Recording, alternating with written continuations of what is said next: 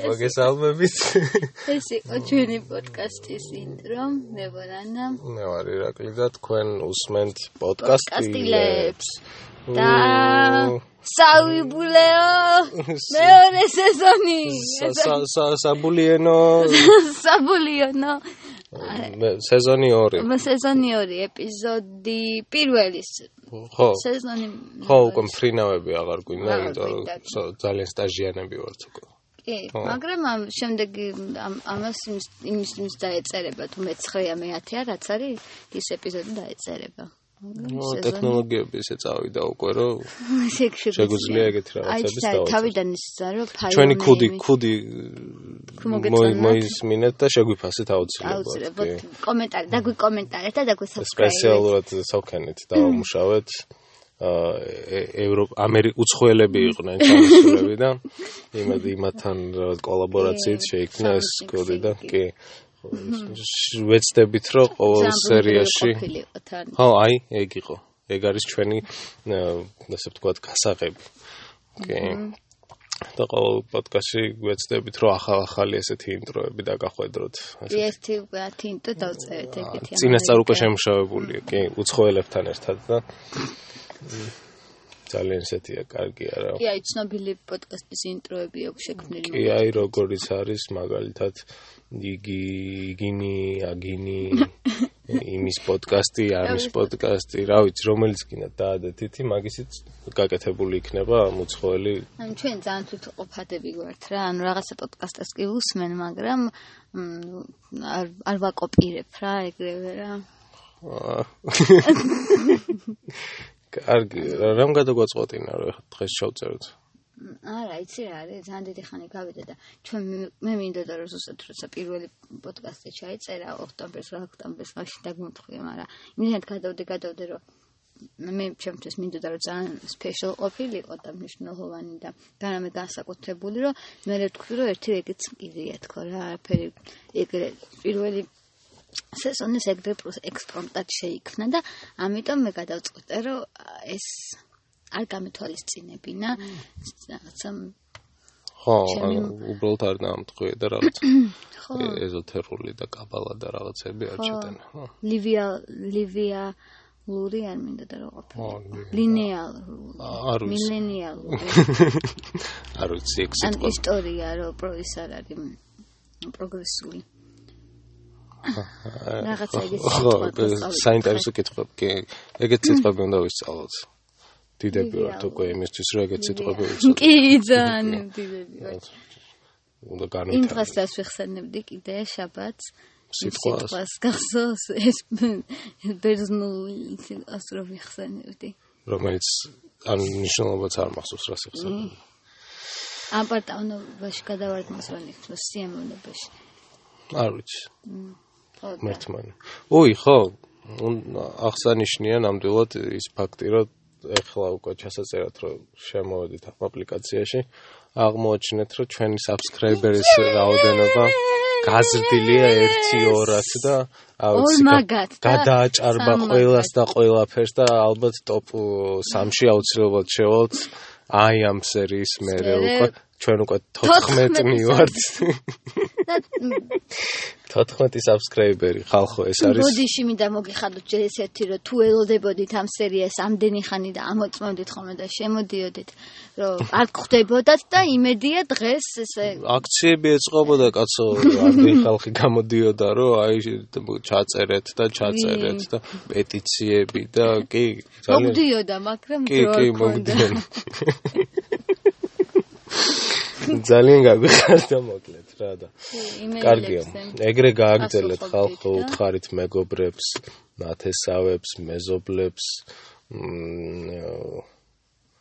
არა მართლა არ უთხრათ შვილიშვილებს შვილიშვილებსაც უთხარით როცა გეყოლებათ თუ არ ყავთ. თუ არ აპირებთ სხვის შვილიშვილებს უთხარით. აი როგორი როგორი ის არის ესე იგი ეს სერია.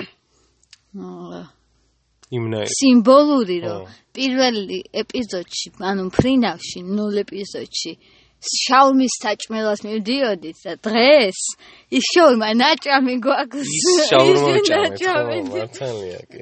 კი იმის მერე ბევრი შაურმა შეიჭამა მაგრამ არა რა კომენტარს გააკეთებდი დღევანდელ შაურმაზე იცით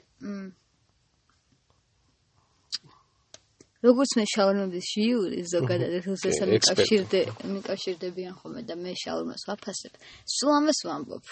აჰა. რომ შალმოში გემოები თქო ხა ირაკლის იონი უნდა იხსნებოდეს აჰა. ან ეს ჩაკეტილი გემოები არ მოწონს და უნდა გეთამაშებოდი შაურმა უნდა გეთამაშებოდი. მაგრამ აი ვაჟაზე რო არის შაურმა? არ ვიტყვი მაინც ხა რეკლამა არ რეკლამაში არ შეგვეთვალოს მაგ შაურმის რეკლამაში. მაგ შაურმის რეკლამაში არ შეგვეთვალოს მაგრამ მაგ შაურმაში ეს გემოები ეს სოუსი რაც აქვს იქ ეს გემოები იხსნება და ეს ლავაში აგვირგვინებს ამ კეტავს ეს ლავაში მაგრამ პირში მაინც მე გონებაში ამის სრიალებს ესა მე როგორც ვიცი შაურმის კავშირის პრეზიდენტი ბრძანდებით თქვენ და რა ანუ რას გვეტყოდით რამე სიახლე ხომ არ არის დანერგილი ამ კავშირში და სამმალთ რა იგეკნება ჩვენ ახლა მე შევიმუშავე ესე კი იდეალური შაურმის პროპორციულის პროპორციულობის კონცეფცია. აჰა საინტერესოა. და მინდა გითხრათ რომ აი ესე იგი აუცილებლად უნდა იყოს შაურმაში სალათის ფურცელი და სალათის ფურცელი ეს დაჭრილი თუ? დაჭრილი და ეს რაც ვიცი რომ არის მე მაგ შაურმაში და აი ამაში სალათის ფურცელი არისო და ეს სალათის ფურცელი ამ სიმსუბუქეს და გემოების გახსნაში ძალიან ეხმარება საინტერესოა. შაურმაში ხა აღნიშნეთ თქვენს ხო? ამის პროპორცია უნდა იყოს, ესე იგი მთლიან მასასთან 10%. აჰა, ის საალთის ფურცელი უნდა იყოს 10%? კი, მე დანარჩენი 30% მოდის ხახვზე. 30% უნდა იყოს ხახვი შაურმის. კი, 30% არის მე ასწევე არა 30 არა ესე იგი 30% მარილია ალბათ. ხორცი და დანარჩენი 20% არის პომიდორი. პომიდორი. ამაში პომიდორი ხა? პომიდორი იყო ალბათ.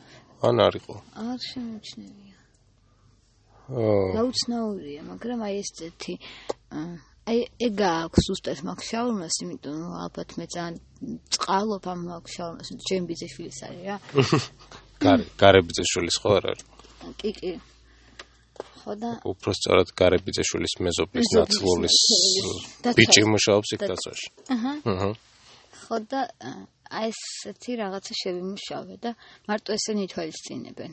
აჰა. ანუ თქვენ თქვენი ორგანიზაცია ცოცხალი პროდუქტები არ უნდა დაგენანოს შაურმაში რა, ესე იგი ცოცხალი ხახვი, ცოცხალი პომიდორი, ცოცხალი სალათის ფურცელი და აა იცით რა არის და მაიონეზი. ზამ ზამთარი რო არის მაგასთან დაკავშირებით, ან ზამთარში როგორ შაურმას ურჩევდით ხალხს? გაციების საწინააღმდე. ხო, კი.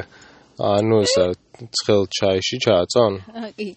კი, ანუ შაურმა ცხელ ჩაიში ჩაწობილი. რო დალბეს თუ ანუ იცი როგორ არის? ეს გაჩნია რა, როგორი გიყვარს ეს იგი გამხმარი შაურმა თუ გიყვარს, მაშინ ჩირი. ჩირი თუ გიყვარს? შაურმის ჩირი საინტერესოა. შაურმის ჩირი თუ გიყვარს, ისე აბსოლუტურად თავისუფალი ხარ ამ შენ სურვილში, შეგიძლია ჩააწო. ჩაალბო და ესე ჭამო. ბავშვებს ახლა მაგ მაგ დროს გაციების დროს ამას ესე ბლენდერში ოჰო, უკეთებთ ხოლმე. დილობ საუზმეზე კარგი. იცით რა მაინტერესებს, როგორც გავიგე, ან თქვენ კავშირიდან გავცელდა ესეთი ცნობები, რომ აა ფილტრების დაავადების დროს ძალიან კარგი არის შაურმის ფენები ფილტრზე, ანუ გადაუსვით და თვითონ ლავაში უნდა დააფინო და მართალია? ეს ჩვენ სალხინოსთან ერთად შევიმუშავეთ, ესე იგი სალხინის თან პარტნიორობით გავაკეთეთ ესეთი ექსპერიმენტი და ჩვენ ესე იგი ბრონხიტზე დავაფინეთ მართლაც რომ ზუსტად ესე იგი ჯერ ჯერ ეს მალამო რომელიც სოუსივით წავუსვით იმაზე ლავაშზე და მე აბსოლუტურად ადეკვატურად დავაყარეთ, ესე იგი, შალმის ყველა ის ინგრედიენტი და შედეგი იყო 3 დღეში. 3 დღეში ელოდით ასეთ შედეგს თავიდან თუ იცი რა არის ვიღაცები მოწინააღმდეგები ამბობენ რომ ეს ყველაფერი იყო соусио და სახინო, მაგრამ მე ხო ვიცი პამიდოს რა ძალა. ნამდვილად. ხახვის ძალაზე მინდა გკითხოთ, ანუ მომივიდა ცნობები. ესე ესე იგი ხახვის ძალა როგორია, იცი რომ ტექნოლოგიები ვითარდება უკვე რა და ადრე თუ ამ ხახს ჭამდნენ დღეს შეიძლება რომ გამო კი და დაფენა შეიძლება. რა აბსოლუტურად მე სუნთქავ ხო და რა მნიშვნელობა აქვს ახლა მე ისე ჩავიდებ ისე რომ შინაგანაც მოხდება თუ გარეგან სით. აჰა, საინტერესო. კარგით, ხო და ხალხთან დაკავშირებით კიდე სხვა სხვა კითხვის დასმას ვაპირებდი, თუმცა მადლობა მაგ პასუხისთვის, ეგეც ძალიან საინტერესო იყო და აი ჩემ შულს აქვს ახლა პროხიტი და სახში რომ აუცილებლად დავაფენ შაურმის. ოღონდ ეს პროპორციები ხო გახსოვს ზუსტად? აი პოდკასტის შემდეგ ჩავიწერ აუცილებლად რომ მიკანახოთ, კი ბატონო. კარგით. დამოვიწყდა უკვე რა უნდა მეკითხა? მე ძალიან ამომწურავი ვიყავი. იმდენად ამომწურავი. კი, რო დამოვიწყდა უკვე. მადლობა. ეს იყო ჩვენი სტომარი შაურმის ერთი წამი შაურმის ორგანიზაციის სახელს? ხო. რო მაყურებელმა და მსმენელმა და არ დაიბნენ. არ დაიბნენ. არ დაიბნენ და ზუსტად იცოდნენ, ხო. ეს არის რა ორგანიზაციაა? შაურმების შაურმების პროფკავშირები? შაურმების გაერთიანება. აჰა, შაურმების გაერთიანება. აა. SU. SU. შაურმა unions. და მე მე მე გელაპარაკებოდით ეს იყო კალბატონი მადონა სულაკველიძე მადონა სულაკველიძე ეს შაურმაში შაურმის ექსპერტი? შაურმის პროპორცია, ესე იგი, მე რა შაურმი. რა შემუშა? აა, შეხა. ხო, აი ეგრეთ შემუშავე, ბოდი შეხა, აღარ არის საჭირო, ესე იგი, ვალ შაურმების. ერთხელ თქმაც საკმარისია ნამდვილად. ყველას დაამახსოვრდება და დარწმუნებულება. კარგი, თქვენი ამოწორეთ შაურმას. კიდე რა რას დაამატებთ? მადლობა, მე რა. აა, არაფერს, ქალბატონო, მადონა, პირიქით თქვენ, მადლობა. მომეცა საშუალება რომ ეს ჩემი სიმართლე გეთქვათ ამ ერთად ერთი წელი ვაკეთებდი მე რაც ეს დავაფუძნე და შრომობთ ამდენი ხალხი ამ შაუმების გაერთიანებაში რომ მომეცა საშუალება რომ პატარა მოხსენება კი კი. აი მე ძალიან დიდი იმედი მაქვს რომ საქართველოს იურიდიული ფაკულტეტის დოქტორატები და დაინტერესდებიან ამ თემით და შეიმუშავებენ ნაშრომებს. მათთვის საინტერესო უნდა იყოს ნამდვილად ეს თეზისი. დიდი მადლობა, კალბატონო მადონა. ინტროს ჩართვათ. ლა ლა ლა ლა ლა ლა ლა ლა ლა ლა ლა ლა ლა აჰა. ეს ინტროც იყო შემშავებული, რა თქმა უნდა. იმათიდან ერთია. კი, გავაცილეთ ჩვენ ჩვენ მადონა. გიბრუნდებით ისე ეთერში. აა ეთერში დიანა. დიანა. დიანა. მერაბ. კოსტავა. მოგდა? რატო დასცენი ბატონ მენებს? დაცინი. ხო, არ შეიძლება. აა როგორ ცინებს? ანუ უცებ წარმოვიდგინე რომ მაგას ვერ მოვიწევდით, იმიტომ რომ მოკვდა და გული დამწყდა რა პრობლემაა. და გაგეცინე, იმენად დაგწყდა გული. დაწებულობისგან. დაწებულობის. საინტერესო. ხო, დღეს დღევანდელი აღმოჩენა იყო მაგალითად კორონა რო უკრაინულია. კი, კორონა უკრაინული. აა, არ ვიცი რეალურად სწორია თუ არა, იმიტომ რომ მაგრამ უკრაინული წარწერები ქონდა და მე მივხვდი რომ რაღაცა დამზადებულია უკრაინაში, მაგრამ იქნებ პატენტი კორონა. ნამდვილი კორონა სადა? ეს თუ პატენტია, მაშინ ნამდვილი კორონა რომელია? გაგვაგები. მსმენელებს თხოვთ, რომ თუ ნამდვილი კორონა გეგულებათ სადმე. კი. თუ ან ბების ან ბაბუის ნაკონი კორონა გაქვს სახლში 25 60 60 აუ არა ეგ ის არის დაკავებული 25 60 61 60 61 აა და იქნებ მოგვაწოდოთ რომ დავადგინოთ სიმართლე ერთხელ და სამწი 25 25 60 25 25 იყოს 60 25 60 დღეს რასო რასო პარაკო რასო რავისი ეს უკრაინის ხო უკრაინული ხო იმიტომ რომ ხელში ჩაგო აბა გაქროლეს მაშინა ცნებებში სურვილიდან სურვილამდე. აი აი პროგრამი ვაქროლეს უკრაინი? უკრაინა მეგოქოლებს ეს ხელში ჩაგო და ძალიან ესეთი მე მაგეკომში სირამე ბამბანიორი კი იმა კორონას. კორონა კორონას რეკლამაში ყოველ სამყარო ეს.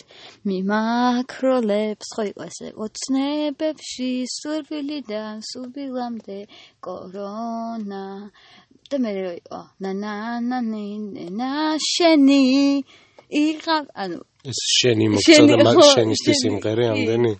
ეგ შენი მოგწოდა იმიტომ რომ აი ცოტა უსდორს იქიდან მაგრამ ეს გადანაცვლება იყო რა რაღაცა შენი. შენი რაღაცა რაღაცა კი არა. შენი ლამაზი ხო კაი ხო. თმა ლამაზი შენი ეს პოეტური აა შენ ნამდვილად სიტყვა შენი ძალიან. და ამიტომ ეგეთი კიდე იყო ესე დამაძინე, მოფიქს რეკლამა, დამაძინე. მე შენი. ხო, აი მანდ ბოლოშია შენი და სულს ვერ ვიტყვი რომ ეს არის პოეტურია მაინც დამა. დამაძინე მე შემი, დამაძინე მე ჩემი მოფიქსით მგონი, შენი მოფიქსით დამაძინე. აა არა. მარო კონტექსტი არ ჟდება ეგ შენი. დამაძინე, დამაძინე მე ჩემი, ჩემი იყო. დამაძინე. დამაძინე მე ჩემი. ჩემი მოფიქსი. ჩემი ტკბილი მოფიქსი. ტკბილი იყო მაგრამ. კი, არა, ჩემი ტკბი, ა, ტკბილი. ჩემი მოწერანე, პამპეს ტკბილი რატო? ჩაღუნღულებული უნდა ქონდეს. დაკოები. დაკოები, ხო. დამაძინე, დამაძინე. აი ეს აი მოგვეტყვე ჩვენ ამ ამერიკელებმა რა ეს უნდა ყოფილიყო ჩვენი იმიტომ რომ ამერიკელები არ იყვნენ უცხოელები უცხოელი ექსპერტები იყვნენ. ხო უცხოელი ერთ-ერთი ამერიკელი იყო ბოდიში შემიშალა და არა მან როგორ იყო ხა ამერიკელი ყავდა ბებია. მმ და ჩამოსულები იყვნენ ანუ ამერიკა ხო აი ევროპა რო დაარსდა მაშინ შეჩამოვდნენ ამერიკიდან. უი ხარ ეკამას რო გადაცემის სპონსორია უხვი ბარაქის ქსელი. გემრიელია. აა ხო ჩვენ გვაფინანსებს გემრიელია. გემრიელია. ჩვენი გენერალური სპონსორია გემრიელია. კოკა-კოლაზე რას გვეთქვი? აი, საშაურმეში კოკა ეს კოკა-კოლა პეპსია. კოკა-კოლა პეპსია თუ კოკა-კოლა მეპსია? კოკა-კოლა პეპსია. აი, საშაურმეში რა საშაურმეში რატო ღირს ბევრად იაფი კოკა-კოლა ვიდრე სხვაგან? ჩამოსასხმელი. როგორც ლუდი ჩამოსასხმელი იაფი ღირს. ხო, მაგრამ იქ ხო სხვა ლუდისა, მაგალითად, ბარში თუ სამილარი ღირს. ლუდი, ეგ არის რუსთავის ლუდი. რაშია საქმე? სად გვატყუე? ხო და ანუ ეს კოკა-კოლა პეპსია რა, ბანზია. და პეპსი რატოა ბანზი? არა, პეპსი ბანზი არ არის, უბრალოდ ანუ ალბათ ესეც რუსთავის კოკა-კოლა. რუსთავის კოკა-კოლა, კი, საშუალებებში ხალხო ჩამოსხმელი კოკა-კოლა თუ შეგხვდებათ, ეს იქნება რუსთავის კოკა-კოლა. არ დაიჯეროთ. სიცრუეში არ იცხოვროთ. არა ნამდვილად კოკა-კოლა. რუსთავის. ხო. ესე იგი, განსხვავებას ვერ იგზნობ, თავ ეგ არის რა. გემო ერთი აქვს, მაგრამ ეს უფრო ქიმია. ორჯერ ქიმია. ამითი უნიტაზი უფრო ორჯერ კარგად ირისხება. და ისე ჩვენი სპონსორია. ორჯერ კარგად მრეცხავი რუსთავის კოკა-კოლა. ეს განსაკუთრებული რეკლამა გავა. როგორც გავიგე, უცხოეთებში არის ამ კოკა-კოლის, უბრალოდ კოლის სხვადასხვა მაღაზიებში თავიანთი ვერსია აქვს და ვთქვათ, ერთ სუპერმარკეტ შეიძლება ქონდეს თავისი კოლა. ვაუ. არ ვიცი რამდენად სწორია უბრალოდ ჯორისტონეზე, ვიცი, უცხოეთებში არ არის. ვიცი, ვიცი რა ვიცი კიდე? Diet Coke არის იგივე Coca-Cola Zero.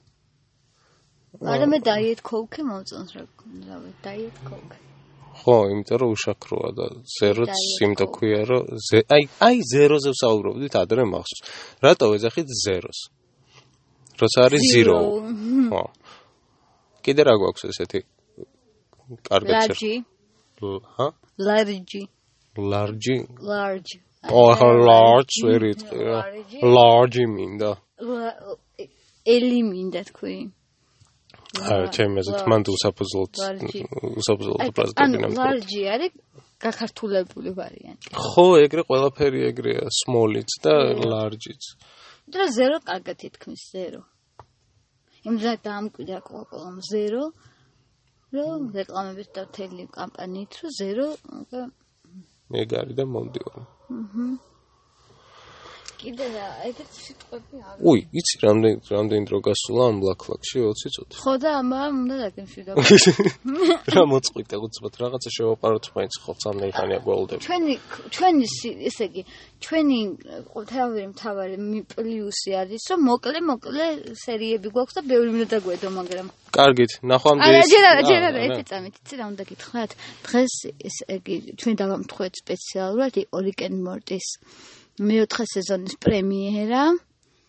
ო, პირველი სერია დაიდო დღეს. მეოთხე სეზონის და ამიტომ ორი სიტყვით როგორ შეაფასებ ზუსტად ორი სიტყვით იცი როგორი იყო არა ნუ ნუ მოყვებით ძალიან კარგი იყო იმიტომ რომ ყოველთვის რაც ვინც უყურებს დეკენ მორტის იცის რომ ესე იგი მაყურებელთან ძალიან ინტერაქტიულები არიან და იციან რომ მეოთხე სეზონის პრემიერა არის მაგალითად და მესამე სეზონის პრემიერა და აა ვერ გავიგე რა თქმა უნდა კარგი. ხო და ამიტომ ესეც ეს სერიაც სასაცილო სურპრიზებით არის სასწე აა კარგი. მადლობა. ნახვამდის. ნახვამდის მოიცადე. ეხა მეორე გამაჩერე ენდინგი აა კაი მინდა. ენდინგი რა რა რა რა რა